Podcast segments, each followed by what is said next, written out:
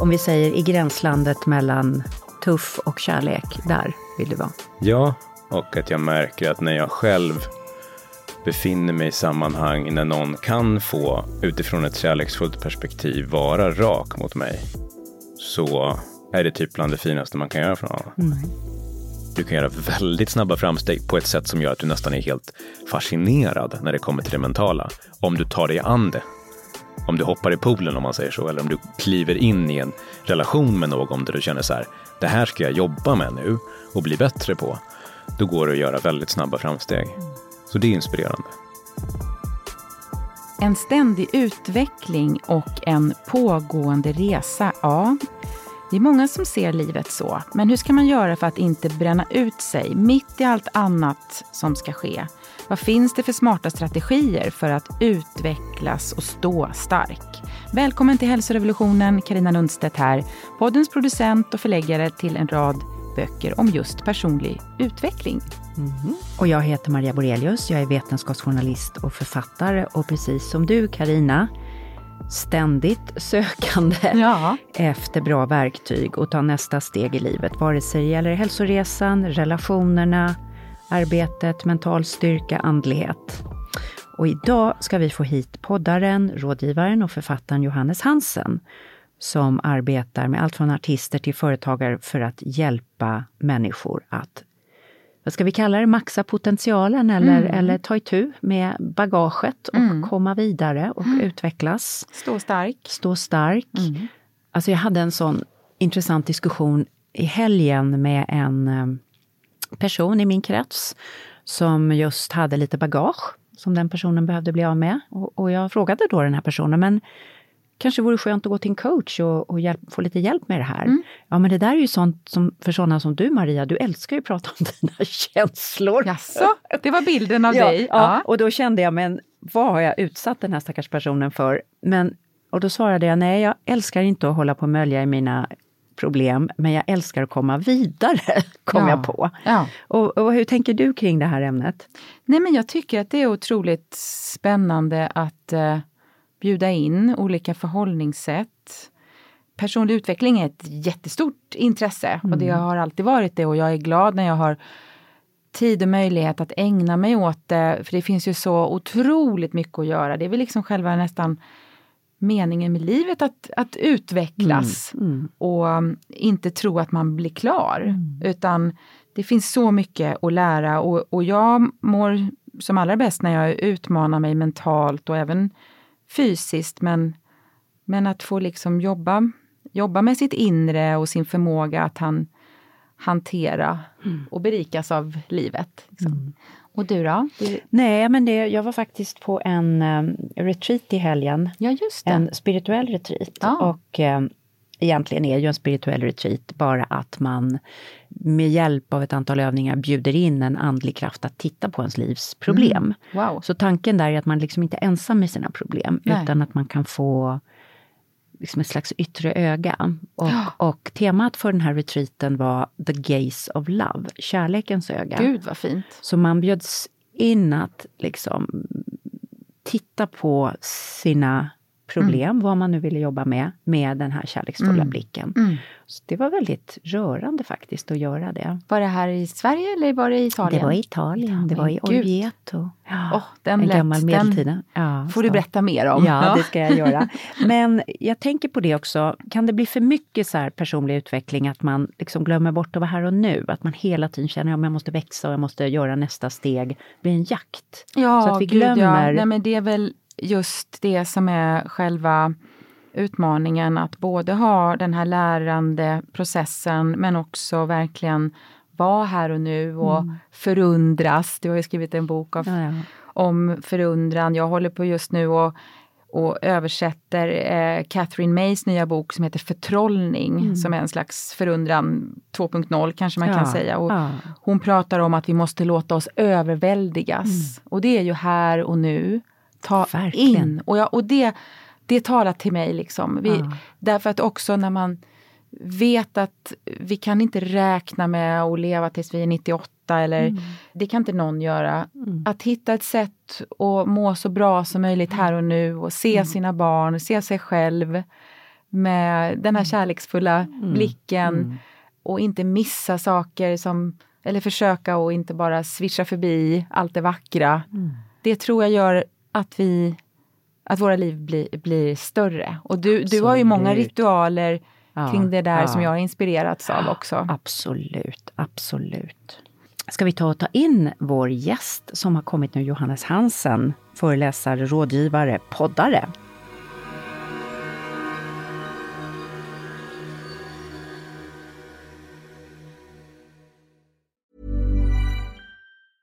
A new year is full of surprises, but one thing is always predictable. Postage costs go up. Stamps.com gives you crazy discounts of up to 89% off USPS and UPS services. So when postage goes up, your business will barely notice the change. Stamps.com is like your own personal post office, wherever you are. You can even take care of orders on the go with the mobile app. No lines, no traffic, no waiting. Schedule package pickups, automatically find the cheapest and fastest shipping options, and seamlessly connect with every major marketplace and shopping cart. There's even a supply store where you can stock up on mailing supplies, labels, even printers. Stamps.com has been indispensable for over 1 million businesses just like yours. All you need is a computer or phone and printer. Take a chunk out of your mailing and shipping costs this year with Stamps.com. Sign up with promo code PROGRAM for a special offer that includes a four week trial, plus free postage and a free digital scale. No long term commitments or contracts. That's stamps.com code program. Så nu vill jag välkomna dig, Johannes Hansen. Välkommen hit. Tack så mycket för det. Mm. Du är författare, föreläsare, rådgivare till allt från artister till företagare, elitidrottare och du poddar också Johannes Hansens podcast. Och hur många avsnitt har ni gjort hittills? Vi kollar ju upp det inför nu då, 256. Ah, wow. Mm. Du, man kommer ju in i eh, intervjuer med lite olika vad ska jag säga, förväntningar och känsla. Och idag känner jag mig lite så här, alltså rädd är för starkt ord. Om rädd är 10 så är jag på 4,5. Mm.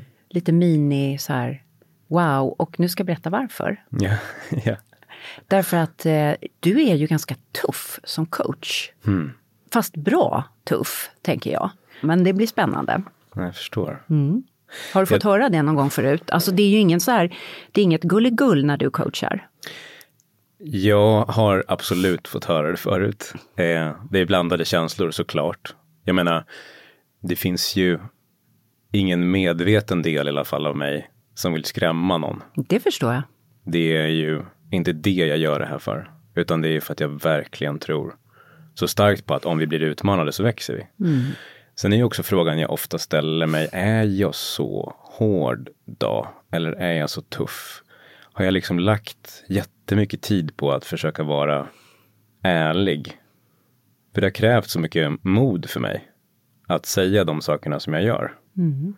Och då tänker jag att vi snarare kanske lever i en ganska inställsam och ängslig och delvis förbekräftande kultur. Och att jag märker att när jag själv befinner mig i sammanhang när någon kan få utifrån ett kärleksfullt perspektiv vara rak mot mig. Så är det typ bland det finaste man kan göra för någon. Mm.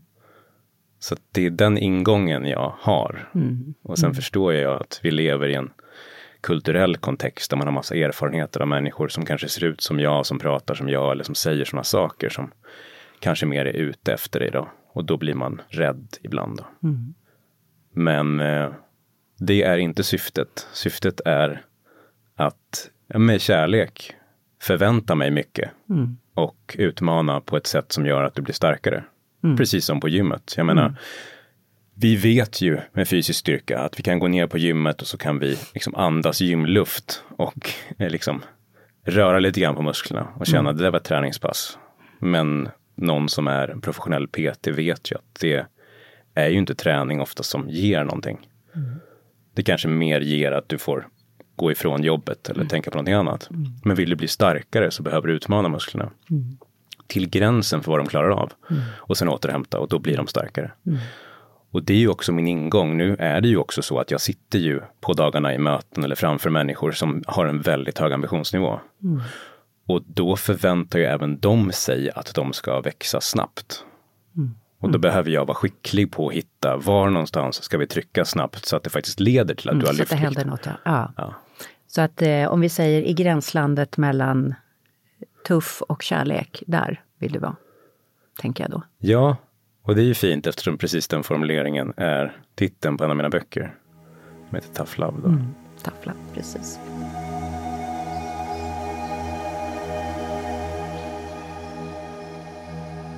Du, eh, den här eh, coachfilosofin då, att liksom ligga i det här spänningsfältet. Hur har den formats inom dig? Var det så att du tänkte från början, så här ska jag vara? Eller har du, har du lärt dig saker som, nej jag får inte vara för tuff och jag får inte bara vara love, utan det ska vara någonstans i den här golden sweet spot, liksom den här härliga punkten precis där vi utvecklas utan att tappa fotfästet. Hur, hur växte det här inom dig? Ja, men idag så är det ju någonting som jag har stor respekt för och ser till och med som en konstform. Jag tänker att det där är det som gör att det är så roligt och ger mig så mycket energi och glädje att jobba med det här. Det är ju kombinationen av vad det ger andra människor med att jag får bli bättre på just den konstformen, att hitta de där punkterna och hitta den där balansen då. Mm. Jag ska kalla det för det. Eh, såklart. Men hur formades det i det? Jag ser personlig utveckling på två perspektiv. Jag ser, ser det ena som är att man skapar sig själv och det andra är att man hittar sig själv. Mm. Punkten mellan de två för mig, att jag, eh, jag hade ingen idé om att jag skulle bli coach. Jag eh, hade det väldigt tufft när jag växte upp. Drabbades av panikångest i tidiga tonåren. Hittade självhjälpsböcker i 12-13 års åldern. Använde dem för att när jag inte ens klarade av att gå till skolan så hittade jag på mitt eget träningsprogram på något sätt. Det första jag gjorde. Som var att jag skulle ta en lyktstolpe i taget på väg till bussen. Liksom. Mm. Och de här böckerna gav mig ett hopp om att det skulle kunna gå att utmana mig själv förbi det som skakade och så skulle det bli starkare. Liksom. Mm. Det var inte så medvetande gjort, det var inte så tydligt formulerat, utan det var mer en känsla av att jag måste överleva och jag behöver göra det här om mitt liv ska fungera framåt. Och där började det för mig att börja utmana mina rädslor för att ta tillbaka mitt liv på något sätt. Eh, även om jag inte ens kunde formulera det så såklart då. Mm. Liksom. Men få, eh, få mig att fungera, plocka ihop mig själv på något sätt. Och eftersom det fungerade för mig och det blev stabilare så eh, växte ju mitt intresse för personlig utveckling och självhjälp mm. och psykologi och blev otroligt stort. Mm. Jag blev i stort sett manisk ska jag säga, i att läsa böcker. Och då sen då, för att göra den historien ganska kort ändå, så hittade jag ju flera förebilder inom det fältet som mm. på olika sätt tilltalade mig mm. och som hade en kombination av utmanande rakhet med, med en känsla av att man förväntar sig mycket på ett positivt och konstruktivt sätt. Liksom. Mm. mm. Så då plockade jag väl upp det i min e eget, eget system och skapade med mig själv tillsammans med att jag hade inspiration och förebilder. Och sen då började jag som inspiratör för att vidarebefordra de idéerna, blev mer coachande själv. Sen när jag över tid började ge råd i större utsträckning och hjälpa till med det, så var jag ju jätteangelägen om att hitta en filosofi som jag tyckte kändes jag om jag ska kunna göra det här över lång tid. Mm. Och då kan jag ju inte ta mig an andras energi så mycket som jag måste hitta min egen. Eh, även om jag tror att det är ett väldigt smart sätt att växa upp på. Att vi naturligt söker oss till förebilder och kopierar. Liksom. Mm. Men är det så här Tony Robbins, så här, gå på glödande kol, är det liksom den typen av för det ultimata tough love-tränare i USA? Är, är det din pantheon av, vad, vad har, vilka har du där liksom? Det har ju varit väldigt tydliga, jag ser det nästan som att när du, när du då går eller springer längs ditt eget lopp på något sätt så har du olika Säg att du har en löpare som ligger längre fram på något sätt, som du siktar mot eller som du tänker, det där är draghjälp för mig energimässigt. Jag skulle säga att Tony Robbins absolut, Bob Proctor var en av de första för mig som var, hade den där typen av eh, röst skulle jag säga, som blev en fadersfigur för mig. Och sen så har ju de i huvudsak varit liksom trampoliner kan man väl säga mm. Eh, för mig, att hitta mm. energi kring. Mm. Men eh, när det kommer till konstformen av att hitta den här balansen mellan att känna kärlek för någon, säga någonting som är rakt och utmana och även finna en hel del humor i det. Då tycker jag ju liksom personer som Dave Chappelle är mer inspirerande mm. idag. Mm. Jag tänker liksom som coach, så måste under varje samtal väldigt mycket frågor dyka upp om ditt eget liv och sådär. Är du helt genomcoachad själv nu? Hmm. Fattar du vad jag menar? Alltså, är du klar med dig själv? Ja, men det, det är ju som att säga till en PT, är du, är, har du tränat klart? Det är ju eh, förmätet och naivt att säga att man är klar mm. i en sport som bygger på att man gör den hela tiden. Mm. Så nej, absolut inte. Är det så att jag hela tiden lär mig nya saker? Ja. Är det så att jag medvetet också bestämmer mig för att gå djupare på olika sätt i min egen utveckling? Ja. Det betyder att min kurva för vad jag tycker att det är bekvämt att prata om eller vad jag kan navigera i för terräng också ökar. Mm. Därför att jag blir bekvämare med mig själv. vad jobbar du med just nu inom dig själv? Känna mig att jag befinner mig på en plats just nu där jag har både fysisk och psykisk och ekonomisk resurs för att våga ta ett par lager till på anknytning och tidig uppväxt. Mm. Mm. Det, är det är många av oss som får jobba ett helt liv med det där. Alltså det finns så många lager i det där, eller hur? Ja. Med det tidiga på något sätt. Ja, för alla. Ja, man skulle kunna säga att du bara har en relation i ditt liv. Mm. Och det är den relationen du hade tidigt. Mm. Mm. Och uh, om man vill jobba med det så, så kan man ju förändra väldigt mycket på, på kort tid. Men också ju mer man är där och jobbar, ju mer inser man ju att du är ju inte din egen historia bara, utan du är ju generationer av historier. Mm, mm, absolut, absolut. Mm. Spännande tanke.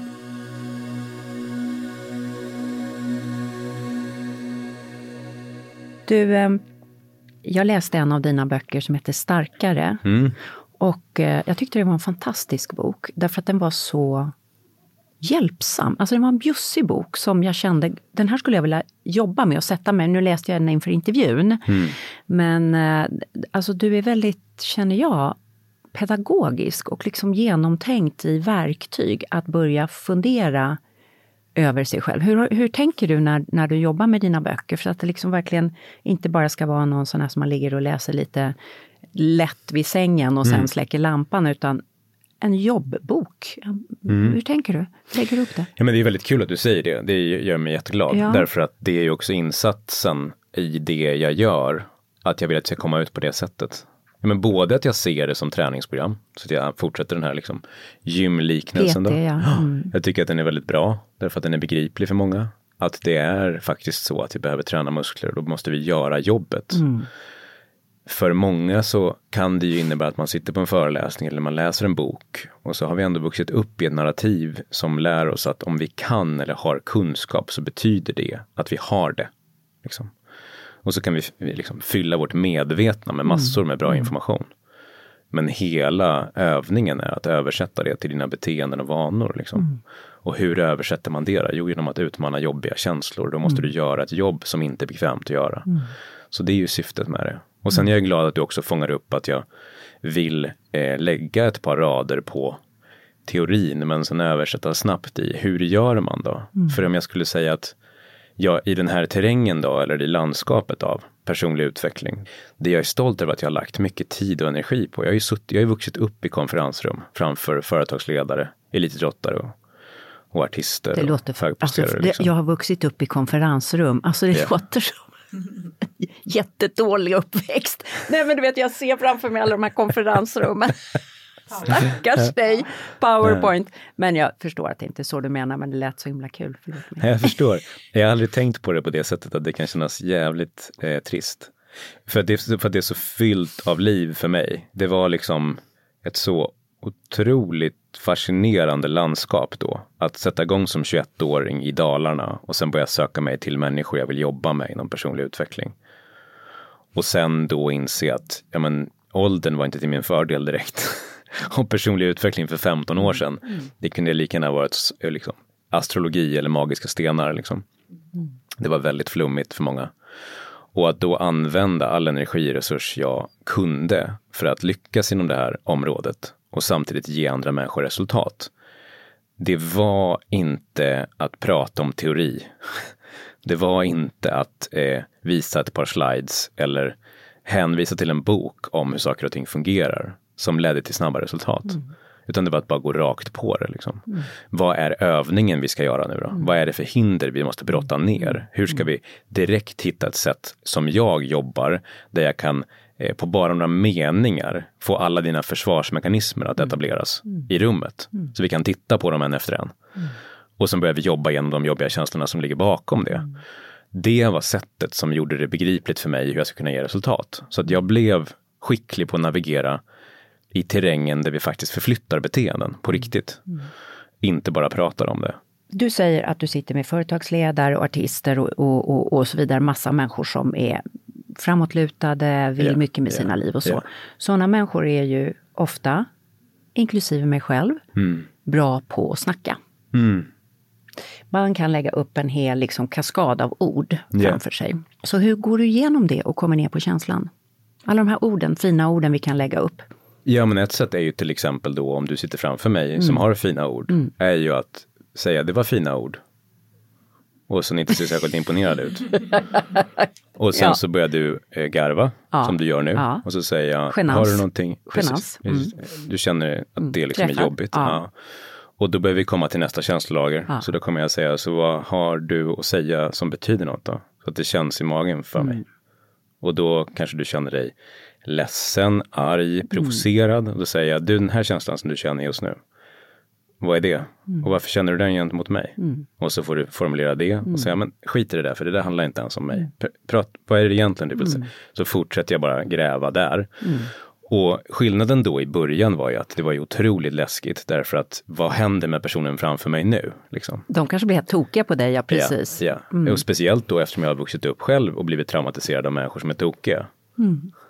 Så att det var ju läskigt för mig. Mm. Men när jag började bli starkare på den terrängen och mm. idag då när jag känner mig ganska trygg på den terrängen och vet att det handlar inte om mig överhuvudtaget.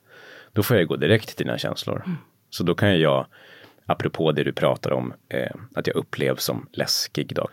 Och det har ju ofta att göra med att om man sätter sig Ja, men vi tar liknelsen med gymmet igen, för jag tror fler kan relatera till det. Mm. Om man kommer ner till gymmet, känner sig, du vet, ja, jag är stark i ben och armar, men jag har fan inga magmuskler alls. Mm. Tänk om det första han kommer göra är magövningar. Ja, då är jag avslöjad liksom. Ja, ja, Precis den känslan. Och det är vad många känner när de ja. sätter sig i ett rum. Det förstår jag. Och då har man ju projicerat hela eh, sitt eget bagage av vad, vad någon annan har lärt sig eller lärt dig att det ska kännas när du är helt sårbar. Mm, den där får du förklara för mig. Ta den Om igen. du har vuxit upp säger vi, mm. så gör vi en enkel linje. Mm. Vi säger inte att vi pratar om någon i det här rummet och vi Nej. säger inte att men någon kanske blir träffad på något sätt. Om du växer upp och sen lär du dig av din förälder, för att du ser den föräldern vara så, att om den blir utmanad kring saker som är sanna, men som är jobbiga att konfrontera, så flippar man. Alltså man blir arg, väldigt aggressiv.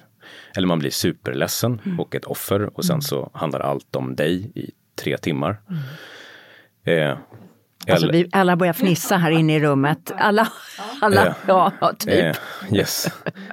Eller så drar man iväg på en lång liksom, intellektualisering och börjar mm. prata om jättebabbliga saker som folk känner, du pratar ju inte ens med mig, du pratar ju bara bort från dina känslor, det vi håller på med just nu. De har ju sett som litet barn hur man ska hantera att vara mm. sårbar. Mm. Eh, men det kan även vara så gentemot dig själv, alltså det vill säga när du själv för första gången ljög om någonting. Eller du, du gjorde något du inte fick göra. Eller svek dig själv och du delade med dig till din förälder. Hur reagerade de då? Mm. Slog de ner dig hårt, aggressivt? Liksom? Mm. Eller var de direkt liksom, tysta och fick dig att känna en skam? Och det betyder att du har lagrat något av de här beteendena när det kommer till auktoritet som kan se dig där du känner dig sårbar. Mm. Så jag möter ju inte en människas Nej, relation du, till du mig. Du möter en projektion, jag förstår. Jag mm. möter en mm. människas relation till en mm. person mm. som ska hjälpa dig att vara sårbar. Mm.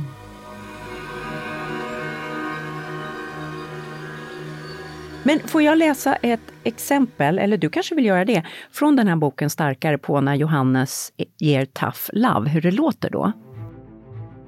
Du fokuserar på din partners brister och ser inte dina egna.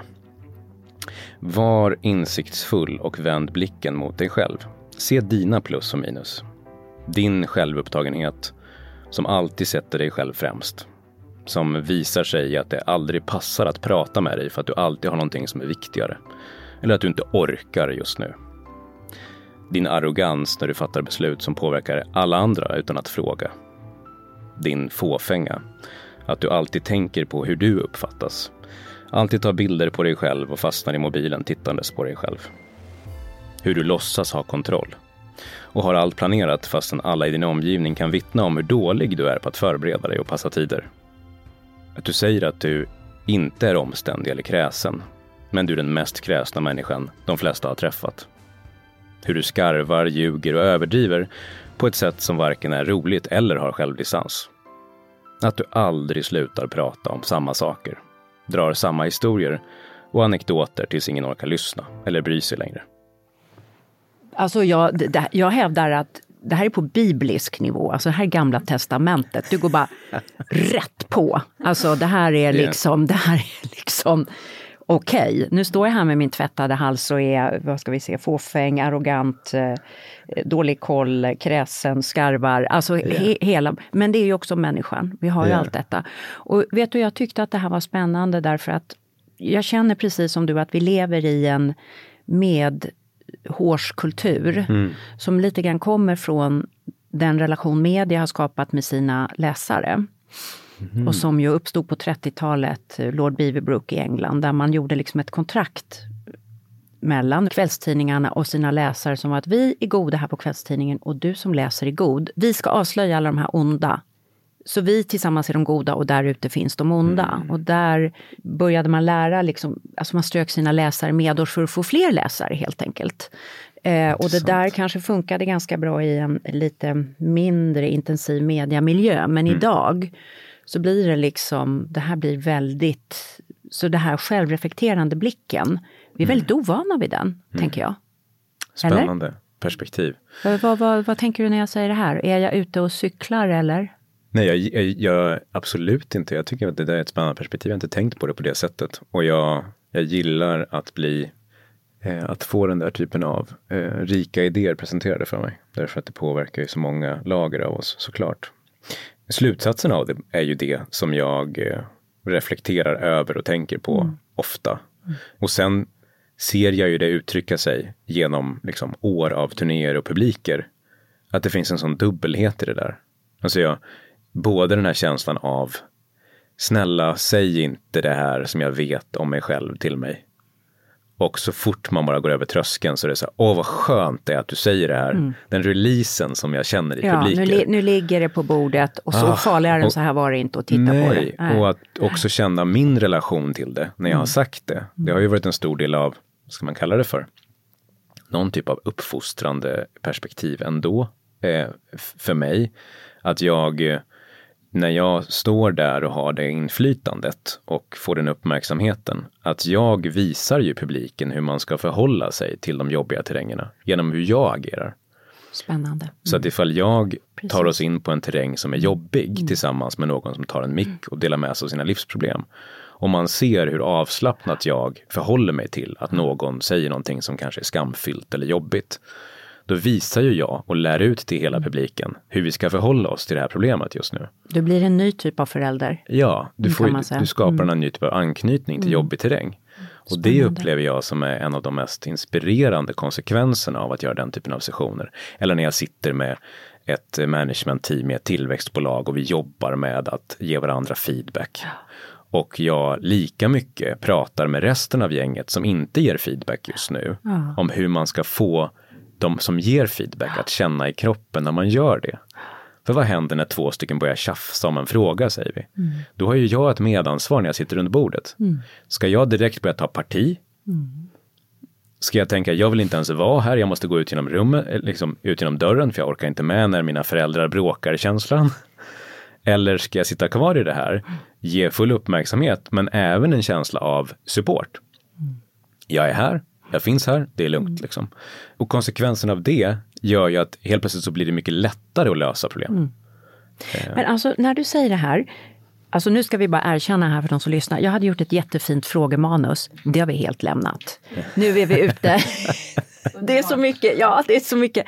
Så när du berättar det här Johannes, så yeah. tänker ju jag, och jag är ju som många vet här liksom troende och jag tänker att många den här känslan att vi alla har liksom en ängel på ena axel och en liten eh, ful figur på den andra. Det är mm. ju väldigt naturligt för en troende människa. Va? Mm.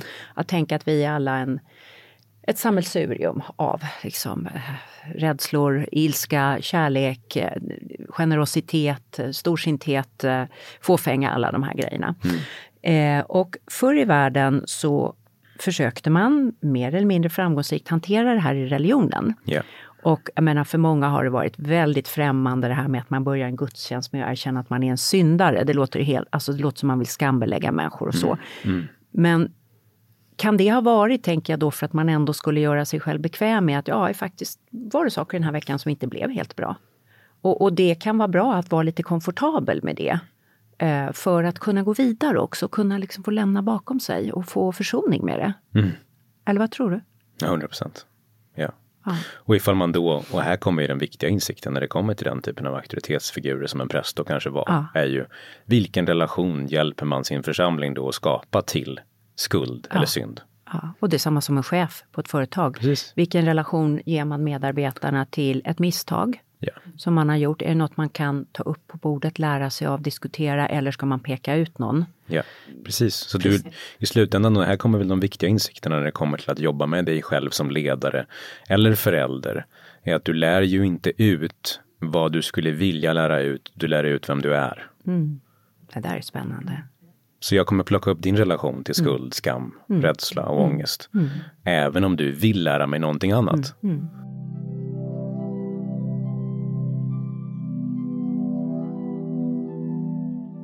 Om man tar tag i den här spännande tanken och säger att jag vill bli mer vän med mina dåliga sidor, eller de sidor jag inte tycker om hos mig själv, för att kunna försonas med dem och kunna gå vidare och hitta något annat. Mm. Vad har vi alla för broms i oss för liksom skydd mot att göra det där?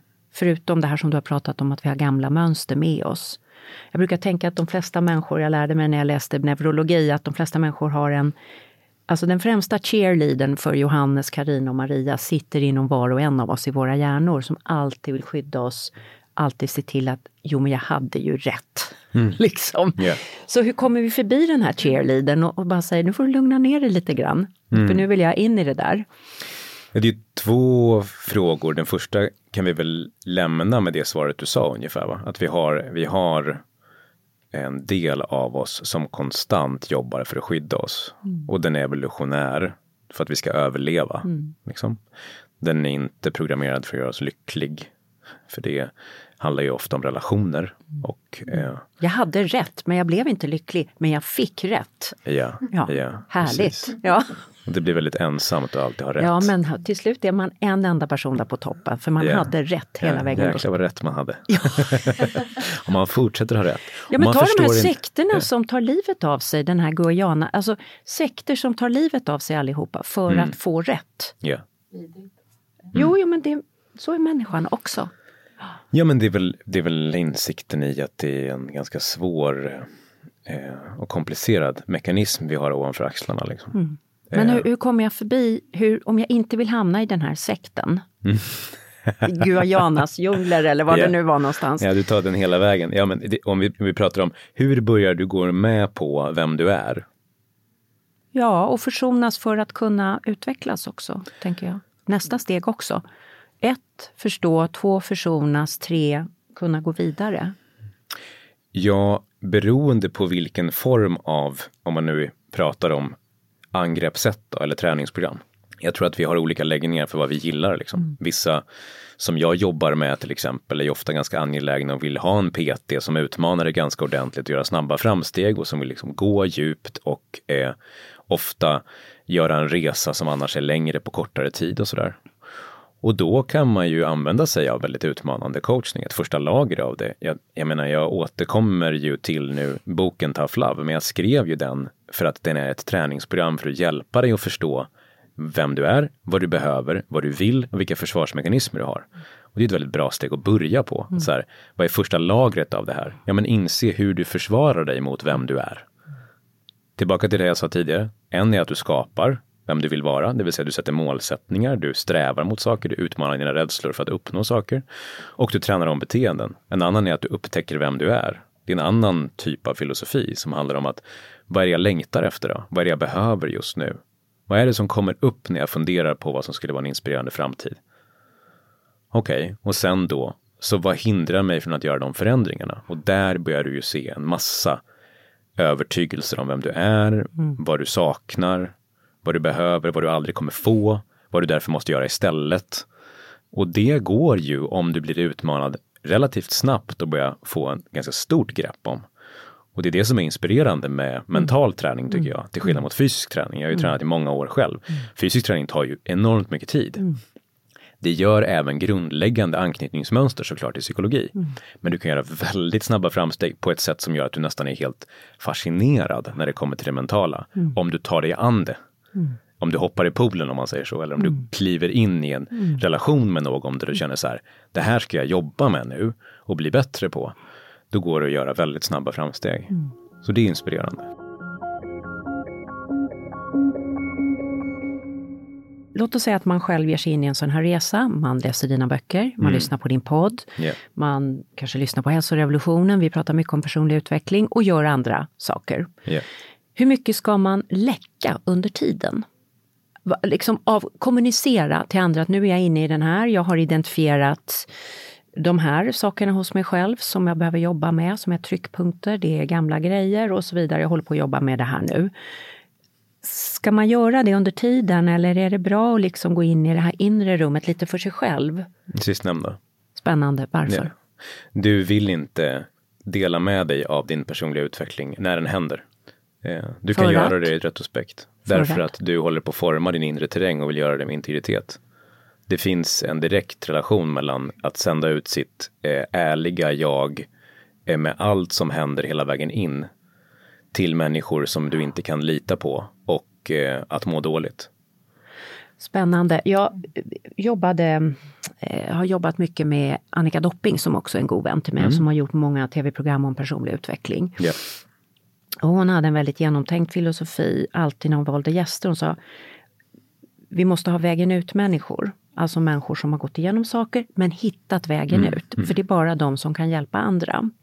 Alltså att, att, bara plocka någon som är mitt i en absolut kris, trauma. För det första blir man nästan en gam medialt som använder deras sorg. Yep. Men du vill liksom hitta någon som har, har fått den här U-kurvan. Yep.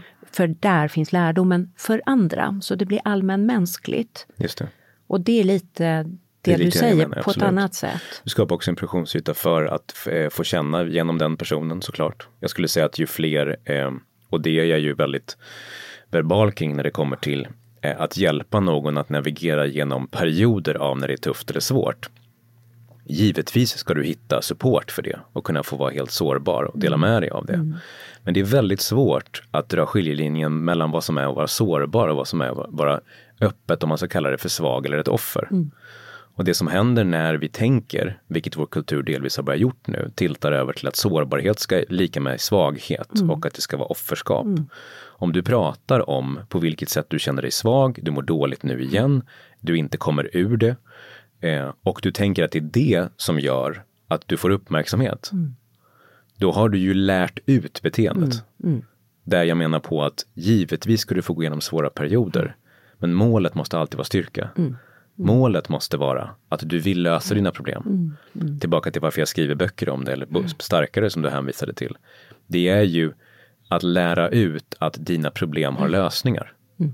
Mm. Hitta inte på att det är speciellt, att det är unikt för dig, att andra inte gått igenom det.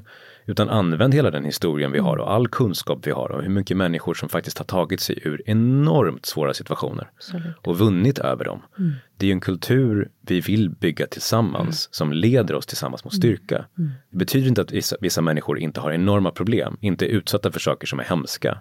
Det betyder att vi strä, strävar alla tillsammans efter att skapa en kultur där vi kan ta hand om dem och att vi alla andra behöver bygga så mycket styrka vi bara kan för att kunna göra det. det nu vill svårt. jag utmana dig. Ja. Du använder ordet styrka. Ja. Jag skulle vilja använda ordet mognad. Mm. Ja, och berätta varför. Därför att styrka har en arketyp mm. som är mot svag, mot liten, mot skör. Och jag tycker inte det, om det spänningsfältet, men däremot mm. mognad bjuder in alla. Mm. Även en handikappad, även en skör människa kan vara väldigt mogen. Mm. Så därför känns det behagligare för mig. Jag förstår. Ja. Kan du köpa det? Att det känns behagligare för nej, dig? Ja, ja. Nej, det var inte det jag sa. Men att mognad är ett mer inkluderande ord. Det bygger ju på att jag behöver förstå hela din resa att komma fram till den slutsatsen. eh, jag fattar. Och okay. jag förstår eh, att det finns många som inte gillar det spänningsfältet. Mm. Och det är också delvis därför jag använder det. Mm. Därför att eh, jag upplever att jag vill att vi ska redefiniera styrka. Mm. Eh, så att det ska bli inkluderande. Mm. Därför att jag upplever att, att vi har puttat ut styrka som ett ideal mm. är en stor del av anledningen till samtliga problem vi har. Mm.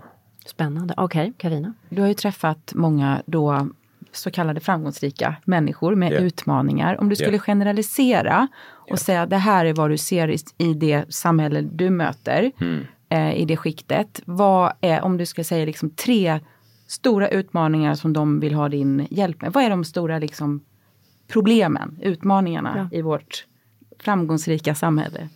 Hmm. Starka samhälle. Men jag har ju inte ens organiserat min, mitt sätt att inspirera eller sprida innehåll eller kunskap på på det sättet. Ju. Jag har ju, om vi utgår från boken då, igen starkare, eller de träningsprogrammen som jag gör också, alltså digitala webbkurserna och sådär, så eh, utgår jag inte från den lilla delen av framgång som jag sen ska sprida till resten av mm kulturen. Utan jag eh, utgår ifrån de vanligaste livsproblemen. Jag utgår från en, en, en stor del av liksom podcastlyssnare och de turnéerna jag haft och den publiken jag mött där. Och, så att jag har inte den här liksom, naturliga topplistan för, jag menar, att, att beskriva situationer som jag sitter i den här veckan till exempel och säga, men jag, en entreprenör vill att sitt team ska gå igenom den här krisen just nu ännu mer högpresterande och produktiv. Ja, men den blir inte så, den blir inte så träffande så att det blir ens intressant att prata om på ett sätt tycker jag. Eh, sen får ni säga någonting annat. En annan är att så här, någon vill bryta sitt tillstånd just nu av att man har nått sina mål i väldigt stor utsträckning eh, utifrån ett liksom, eh, framgångsperspektiv och känner sig tom och ensam i det. Eh, så det handlar om relationella eh, förändringar och en insikt i vilka mål man har haft och sådär. Så det blir inte lika aktuellt som att säga vad är den generella livsproblematiken jag möter i alla mina flöden eller de människorna? Ja, men då ska jag säga att topplistan är ju absolut att man inte får sitt liv att gå ihop. Det är där det börjar. Liksom. När det kommer till tid, tidsperspektivet, att man har för hög ambitionsnivå i för många områden samtidigt. Och man lever i en föreställning om att saker och ting, för att man vill mycket, ska fungera. Och sen när det inte fungerar så går man inte med på att det inte fungerar, anpassar sig, bryter ner, skär ner och lär sig och har en vilja att titta på vad min kapacitet är. Utan man fortsätter springa ganska verklighetsfrånvänt och naivt eh, utan att göra liksom ordentliga förändringar. I stor utsträckning för att man vill vara andra till lags och för att man eh, sätter eh, ambitioner på så många områden samtidigt utan att ens fundera på vad som krävs för att få det att gå ihop. Det är det första. Det är tydligt. Det andra är att man eh, vet vad man behöver göra men får det inte gjort. Prokrastinering, alltså stort problem. Ja, mm. verkligen. Och oftast är ju det liksom ingången, om man ska prata om konversationer, det är ingången till ett helt landskap där man börjar behöva vända på fler stenar än man egentligen kanske vill då när man kommer med utmaningen. Men jag har ju då gjort det till min grej att jag hjälper dig att få det gjort. Och sen så ser vi att vi fortfarande har problem. Mm. Så att så här, jag oftast brukar vara den typen av trojanska häst kan man väl kalla det för. Mm. Att så här, du kommer med det du vill lösa och så löser vi det under sex mm. månader. Och så säger du, men det är alla de här grejerna också då? Absolut, men nu, titta vad handlingskraftig du har varit. Nu har vi löst de här sakerna. Ja, men jag känner ju fortfarande så här, det här är mm. fortfarande viktigt för mig. Okej, okay, så vad har vi lärt oss de här sex månaderna? Ska vi använda det till det här istället? Att inte veta vad man vill är också en vanlig utmaning. Liksom. Man stöter på motgångar och så funderar man på vad vill jag med mitt liv? Att jag vill ha bättre självförtroende eller självkänsla är ofta en bra ingång att jag eh, inte känner känslorna som jag vill känna trots att jag befinner mig på en plats där jag borde eh, känna dem, tycker jag. Jag är på eh, semester och är fortfarande stressad, jagad, stressad. Ja, ja. eller jag eh, har allt som andra tycker att man ska ha, men jag är inte lycklig. Mm. Så att eh, det där är väl en serie av sådana typer av utmaningar. Mm. Och sen har vi rädsla för andra mm. människors åsikter. Den är väldigt stark ofta. Mm. Alltså hur kan jag sluta bry mig så mycket om vad alla andra tycker om mig hela mm. tiden? Mm. Jag tänker när du säger det här, det kom ut en bok för många år sedan som heter Den rastlösa välfärdsmänniskan. Det låter så, alltså den här, vi är så Alltså jag tänker på min, mina far och morföräldrar, jag tror inte de hade sådana to-do-listor mm. som jag har idag på alla områden. Liksom. Mm. Andligt, kroppsligt, relationer, eh, 87 olika typer av jobb, yeah. liksom to-do liksom, i alla ja. dimensioner. Ja, liksom. Yeah. Yeah. Alltså det var mer så här, get the work done, liksom få mat på bordet, mm. se till att ungarna har rena kläder och, eller hur? Ja. Är det, är det alla, vad, vad kommer allt därifrån? Är det att bara flödet av information, impulser, inspiration? En linje där är väl, en ingång är väl bra att se framför oss att vi har, följer nu sociala medier. Vi har ju alltid haft en hjärna som tittar på förebilder i vår omgivning. Eh, och tänker på, ah, redan från skolan, så, ah, där är coola gänget, de där gör sådär, det vill jag också göra. Eller du kommer in på jobbet och tänker, ah, han eller hon är lite längre fram i, mig, i liksom resan här, det där inspireras jag av. Jag vill också gå ut på det stället där de är ute. Eller jag vill ha de där kläderna på mig som den personen har. Eller jag tittar på eh, min artist jag älskar att lyssna på och han eller hon har den här liksom, eh, stilen som jag kopierar eller maner de använder sig av eller sådär. Och det som har hänt är att vi nu befinner oss i ett landskap där vi följer världens bästa inom alla områden samtidigt. Mm. Eh, och så kan vi få tillgång till hur mycket inspiration och kunskap mm. som helst av de människorna. Och sen har vi fått för oss då när vi sitter och scrollar våra flöden att de här människornas livsstil, det vill säga det man tänker att man ser på Instagram, som egentligen är ett påkostat flöde motsvarande en livsstilsmagasin liksom, av hur man mycket man retuscherar det. Mm. Det tänker jag är den personens liv. Och så ska jag också leva. Och så ska jag leva så inom alla områden mm. samtidigt. Mm. Självklart mm. så har du helt plötsligt gjort en ekvation som är omöjlig att leva mm. upp till. Mm. Jag tycker att det är kul med de här exemplen på unga killar som ibland vill vara vältränade som de här största filmstjärnorna. Liksom, eh, samtidigt som de går i gymnasiet.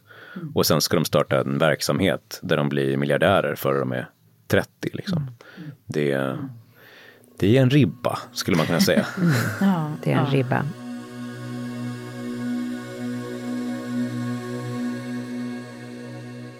Nu är det ju så här Johannes att Karina och jag, vi har ju också en coach. Sådär ja. Mm. Några stycken. Några stycken olika. Men jag tänkte att vi skulle berätta lite om Ninjan. Så Ninjan är, hon kör lite en annan stil än du, men mm, yeah. funkar väldigt bra för mm. mig. Så det är inte antingen eller utan det är lite annan ingångsvinkel. Hon sitter i New York och där jobbar vi med manifestationer. Mm. Och det går till så här, jag kan ge dig ett praktiskt exempel.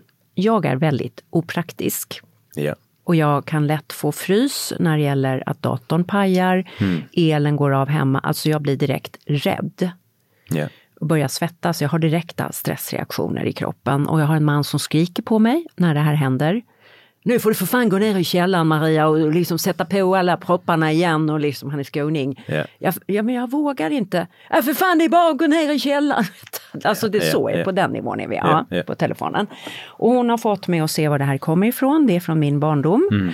Och eh, börja jobba med det här. Men istället för att jag då är tough love mot mig själv, mm. så jobbar jag med visualiseringar där jag är skitbra på det här. Mm. Och så fort sådana här problem dyker upp så säger jag, jag löser alla tekniska problem med glädje. Mm. Jag har flow kring teknik. Mm. Och det här funkar väldigt bra på mig därför att jag går in i en energi som bryter min rädsla. Yeah.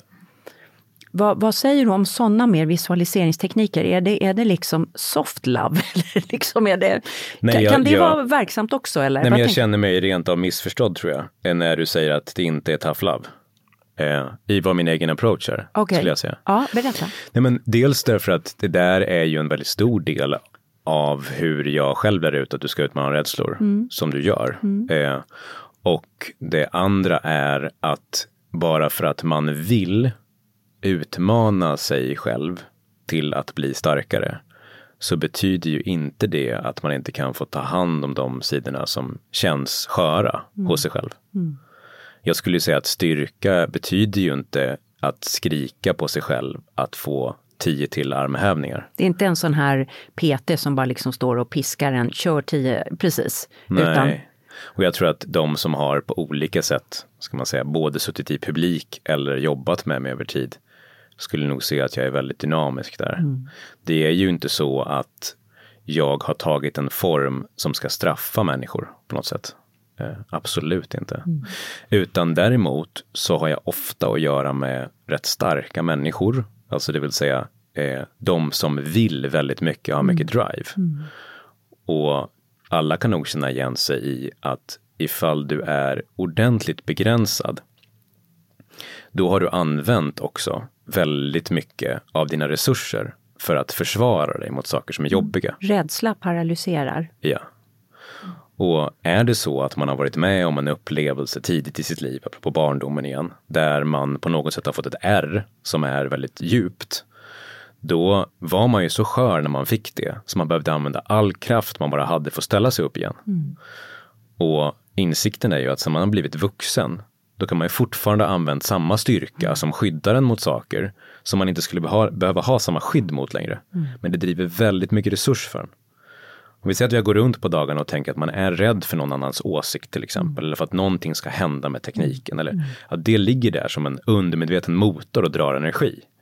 Då finns det en stor poäng med att utmana skyddet först. Mm. Alltså till exempel när personen inte vill kliva in i området. Mm. Då kan man vara utmanande och säga, nu går vi dit ändå. Mm. Nu tar kan... vi nästa lyktstolpe, ja. Precis. Ja, nästa mm. lyktstolpe. Man, man går med på att eh, vägleda någon mm. på ett ganska utmanande sätt förbi det. Men sen när man är på den terrängen när de är väldigt sköra, det, det, sista man ska göra då är ju såklart attackera eller skrika på någon att de ska göra tio till armhävningar. Mm.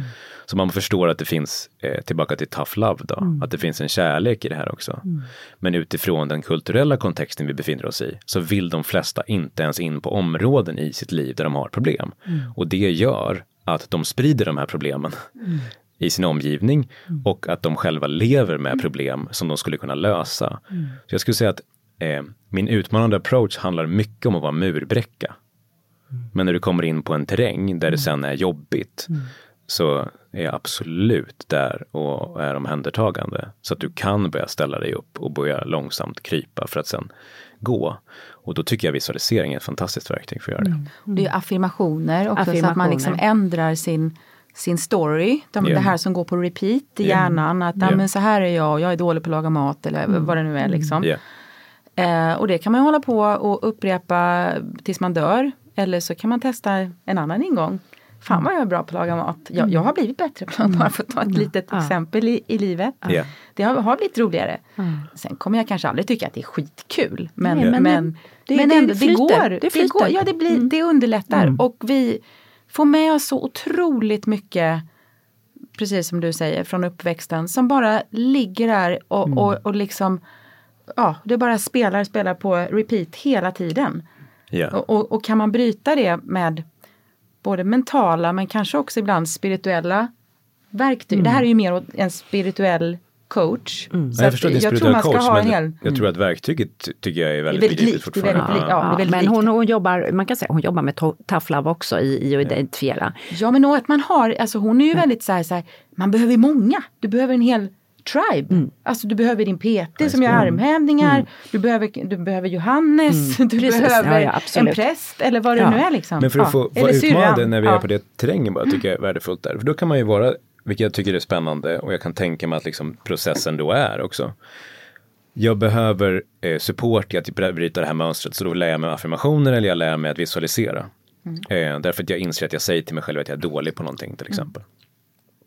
Och då kan en utmanande approach vara nästa steg, så lyssnarna kan ta med sig det, är ju okej, okay, antingen så i första lagret så går vi med på det att vi vill ställa om beteenden så vi visualiserar annorlunda och så lär vi oss att det här, fan, det här fungerar ju, vad bra det här är. Mm. Och sen så hittar jag andra områden där jag tänker, men här tänker jag ju, här tänker jag de här negativa tankarna om mig själv igen. Mm. Jag har en utmanande approach då när man har gjort en resa på kanske sex månader, tolv månader, det är ju, ska vi kanske gå till botten med din relation till att vara dålig? Mm. Mm. Eller hur? Så att det vill säga den tar sig, du ser symptomen tar sig uttryck på fyra olika områden. Mm. Men ifall vi jobbar mm. med att det är mer okej okay för dig att känna dig dålig på någonting. Mm. Då släpper samtliga låsningar när det kommer till mm. ditt eget ja. self-talk om man säger så. Ja. Eh, där har du ju nästa nivå av att Nej, men jag jobba tror att, med här, här är det väl, rätta mig om jag har fel, en diskussion som pågår bland en massa visa män och kvinnor i världen. Liksom. Hur mycket ska man borra ner i, i eh, uppväxten eh, och hur mycket mm. ska man försöka ja, hitta ändra energi. Andra, precis, men, men, men att bygga självkänslan är, är naturligtvis extremt centralt. I, Ja, eh, och där kommer vi till precis nästa perspektiv som är eh, definitionen av självkänsla och sådär också. Mm. Där, man, där eh, det finns mycket som säger att det går inte att separera självförtroende och självkänsla på sättet som vi gör. Mm. Utan vi Nej. behöver förstå att det handlar också om att utmana rädslor för att känna sig starkare. Mm. Så, så ja, absolut, det finns väldigt mycket teori kring det. Och jag tror att det, det begripliga att använda en PT för saker är att du kommer med en beställning, eller hur? Mm. Så att så här, ja, du kan få hjälp att både inse, okej, okay, jag vill ha större biceps, liksom. men då kanske PTn säger, ja, men det vore bra om du hade lite benmuskler också, mm. för nu börjar det bli ganska obalanserat ja, här. Och sen säger någon som, jag vill kunna lyfta på det här sättet också. Mm. Ja, men då är det PTns skyldighet att säga, men om du ska kunna lyfta de där vikterna här, om du är stark nu, måste du ha magmuskler, annars kommer du gå sönder. Mm. Men det är ju det som händer när vi nu vill jobba med oss själva. Att vi mm. tränar olika områden och mm. gör det och sen så börjar vi se, ah, fan nu börjar det skava i ryggen. Mm. Hur kunde ryggen börja kännas när jag ja, tränade biceps? Mm. Eh, och det tror jag ska man ska ha respekt för även när det kommer till psykologin. Mm. Att, jag menar, jag tar sällan cred för att jag har varit skicklig på att skriva kartor eller jobbat ut teori. Utan jag ser mig själv som att jag är oerhört bra på att navigera i landskap. Mm, mm. Så att jag beroende på vad personen som kommer till mig har för utmaningar hittar en approach som gör att den är tillräckligt nära till hands så att personen känner okej, okay, jag är bekväm att ta de här stegen och så pushar jag lite grann där så att vi kan mm. jobba steg för steg där vi låser upp så att okej, okay, nu kan jag jobba med magmusklerna fast jag egentligen vill träna biceps. Mm. Eh, och jag tror att det där behöver man hitta i en relation som man jobbar med över tid. Mm. Så det är väl klokt som sagt. Dejta runt, träffa olika typer av människor du får mm. kemi med, använd de verktygen som fungerar för dig och jag menar, jag tror ju på att bara vara en livslång student när det kommer till det här. Ja, som vi har varit inne på tidigare. Du mm. slutar inte träna för då blir du då blir du svag. Mm. Mm. mm. Du Johannes, du har utmanande dagar psykologiskt i det att du liksom vet aldrig riktigt på morgonen, kan jag tänka mig, vad du ska möta under dagen. Mm. Så hur ser din morgon ut för att förbereda dig? Ja. Det är ju olika beroende på hur dagen ser ut. Men det, det generella är alltid att komma upp och meditera eh, och sätta riktning, skulle jag säga. Att jag kan använda som rubrik för vad jag vill känna och vad jag vill ta med mig för typ av energi under dagen. Mm. I kombination med att jag ofta kör rödljusterapi eh, också. Och sen så vill jag ha en relativt lugn start kan man säga. Jag är inte upp och sen kasta mig in utan jag gillar att hitta den där liksom zonen på något mm. sätt. Där jag, om jag eh, gör vissa projekt såklart, går igenom de notesen eller anteckningar eller vad jag nu behöver för förberedelser.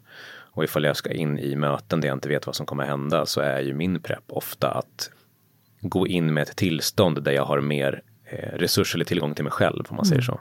Låt mig använda det jag har för att navigera nu. Mm. Liksom. Mm. Så att jag kan vara i ett tillstånd som fångar upp det och inte begränsa mig för att jag, jag har bestämt mig för hur det ska se ut. Liksom. Mm. Mm.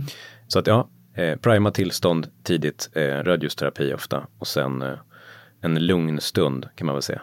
Mm. Ja. Låter bra. Johannes Hansen, jag känner att vi, vi skulle kunna sitta här hur länge som helst. Otroligt spännande uh, att du har velat komma hit och dela med dig av dina tankar. Det förstår ni alla som lyssnar här att Johannes Hansen är en fountain of wisdom. Det var fint sagt. Ja, men verkligen. Och eh, eh, om man vill fortsätta att följa dig och hänga med i hur du utvecklas och dina tankar och de möten du gör, var kom, kan man hitta dig då? Ja, dels så följer man podcasten Johannes Hansen Podcast och sen så följer man sociala medier. Vi har både Instagram och Facebook, även TikTok. Och sen eh, så eh, tycker jag att man både ska titta in på böckerna Starkare och Tough Love. Mm. Finns även i ett bokpaket med några andra böcker. Och sen eh, om man vill ta sig an träningen av sig själv ska man eh, titta på eh, träningsprogrammet Maxa din potential som finns på hemsidan. Mm. Där det är eh, mängder med timmar och tydliga övningar för hur du tar dig därifrån du är till att uppnå de målen du vill. Mm. mm. mm. Fint. Tack Johannes Hansen för att du kom hit. Tack så mycket. Ja.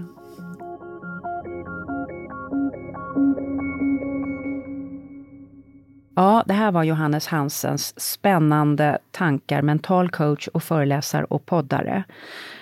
Och jag tänker att när det gäller förmågan att balansera viljan till nästa steg och viljan att också vara här och nu, så skulle vi vilja inspirera dig att göra en tacksamhetsdagbok eller tacksamhetsbok.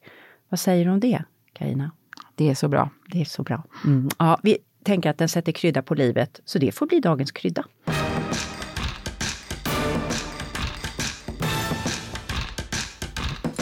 Ja, så här är ett enkelt sätt att göra det.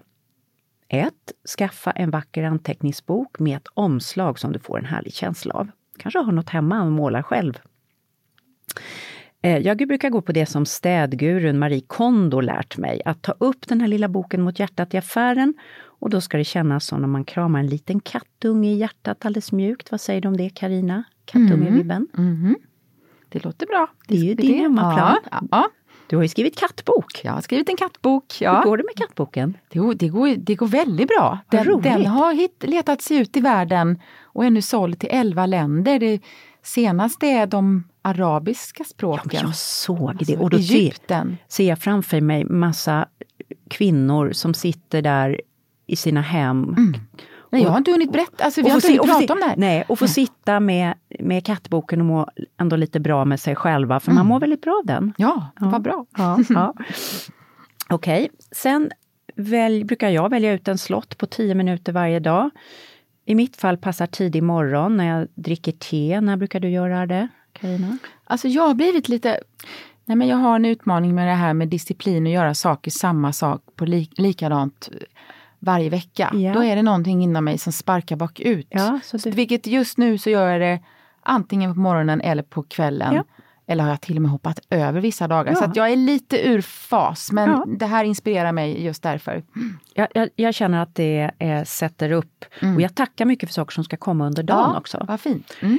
Eh, och så skriver man upp tio saker man är tacksam för och man kan välja hälsa, natur, mm. relationer, bostad, arbete, något man lärt sig, härlig stund eller känsla. Och jag tackar lika mycket framåt som bakåt. Jag är helt, så jag har redan tackat för att den här podden är underbar. Ja, och det är ju det vi lär oss också när vi, mm. med det tacksamhetsjobb vi har gjort via den här boken The Magic vi har berättat om och via vår manifestationscoach vi har gått till så är det ju precis så att man affirmerar, manifesterar det som ska komma. Precis, precis. Och det kan vara härligt att också skriva varför man är tacksam. Mm. Och vad som är så spännande med det är att man får chans att upptäcka vilka känslor som är viktiga för en, vilka värdeord. Alltså, jag bara ger något exempel här. Som man liksom, så till exempel, mina tack kan låta så här för mig bara för att ge en inspiration. Tack för att jag fick vandra vid stranden igår i vinden alldeles själv eftersom det gav mig en känsla av lugn, skönhet och frihet. Och då börjar när jag börjar se de här orden lugn, skönhet, frihet om och om igen så, jaha, det här är viktiga saker för mig. Mm. Och till exempel i morse tackade jag för den här podden. Tack för att det blev en så bra podd med Johannes Hansen eftersom det ger mitt liv mening. Mm. Och eh, då vet jag att det här med mening är viktigt mm. för mig. Vad, vad, brukar du hitta för värdeord i dina tack ungefär? Vad, vad landar du i? Men det kan vara, det ger mig energi, lugn också, eh, vidgar, eh, ger mig trygghet. Ja, det, det finns massor. Massa Kärlek. Saker. Kärlek, mm. precis. Ja, jag brukar få energi, hälsa, liv, nyfikenhet, mm. kunskap, mm. mening, varma relationer. Precis, alltså de här, så man mm. kommer åt vad det är som skapar tacksamheten. Ja. För då är man ju egentligen inne på de här eh, Catherine May-känslorna, förtrollningskänslorna. Ja. Man ringer ju in vad, vad det är som är viktigt när var man har den här viktigt. rutinen. Precis. Mm. Och då, det intressanta är att då börjar man leta efter mer av det. Ja. Det är ju det. Ja. det, är det. Eh, ja, det här har i alla fall varit en av mitt livs största självlärande övningar och sinneslyftande skulle jag vilja säga. Så det är någonting som, som jag tycker är viktigt i alla fall. Mm. Vad tänker du Karina? Ja, det är, jag är så glad att jag har börjat med tacksamhetsarbetet. Mm. Och, och det är något, det är ett redskap som hela tiden finns där. Man kan ju jobba med det flera gånger om dagen också Absolut. om man skulle befinna sig i någon typ av negativ spiral. Ja. Ah. Eller eh, så.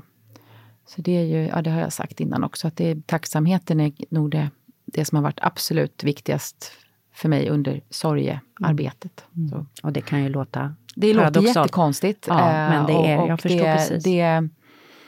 Men det är det som har hjälpt mig mest. Mm.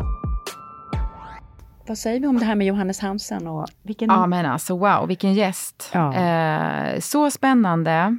Och det studsade verkligen mellan er två. Man såg hur era hjärnor Manuset möttes. flög åt alla Manuset håll. flög all världens väg. Och det är väl alldeles underbart. Det är jättebra att manus för livet eller för ett möte eller vad det nu än är.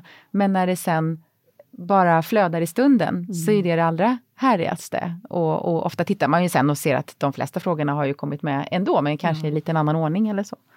Nej, jag, jag känner att det var väldigt eh, spännande. Det flög ju iväg det här samtalet. samtalet. Jag mm. tittade först och klockan, ja nu har det gått 10 minuter och sen tittade jag igen, oj 44 minuter. Ja, jag bara, wow! Ja, så här kul har vi det när vi poddar. Alltså jag kom att tänka på en sak i hans... Eh, jag skulle vilja faktiskt läsa en kort dikt för dig, får jag göra det? Ja. Som en liten avslutning? Som en liten avströmning. Och för jag kom att tänka på hur rika vi människor är och hur mycket som finns i varje människa. Mm. Och eh, en av de dikter som jag tycker, jag är ingen stor så diktläsare, men, men som jag tycker är så otroligt vacker, det är eh, Thomas Tranströmer. Ja. Jag trodde den hette Valv efter valv, typ valv efter varje, varje människa, men den heter Romanska bågar. Inne i den väldiga romanska kyrkan trängdes turisterna i halvmörkret. Valv gapande bakom valv och ingen överblick. Några ljuslågor fladdrade. En ängel utan ansikte omfamnade mig och viskade genom hela kroppen. Skäms inte för att du är människa. Var stolt. Inne i dig öppnar sig valv bakom valv oändligt. Du blir aldrig färdig och det är som det ska. Jag var blind av tårar och föstes ut på den solsjudande piazzan tillsammans med Mr och Mrs Jones, herr Tanaka och signora Sabatini. Och inne i dem alla öppnade sig valv bakom valv oändligt.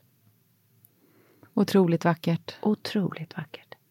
Så det här är så mänskligt. Liksom. Vi har rama, alla in, rama in det där. Ja.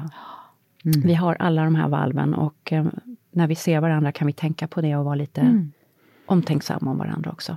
Ödmjuka och omtänksamma. Och man ska tänka, varje möte är ju ofta ett heligt möte. Det, ja. sig, man ja. ska, det är den här uh, Course of Miracles Course som jag har miracle, börjat med lite grann. Man ska se varje möte som ett heligt möte. Mm. Okej, eh, vi skickar alla de här tankarna till mm. dig med kärlek och stöd. Eh, hör gärna av dig eh, om det var någonting i det här som tog fäste i dig på något speciellt sätt. Om du har idéer vad du tycker vi ska göra mer om i podden, mm. vad som betyder något för dig, var rädd om dig. Så eh, fint att du lyssnade och hör gärna av dig helst på vår Instagram där vi heter halsrevolutionen understreck podcast.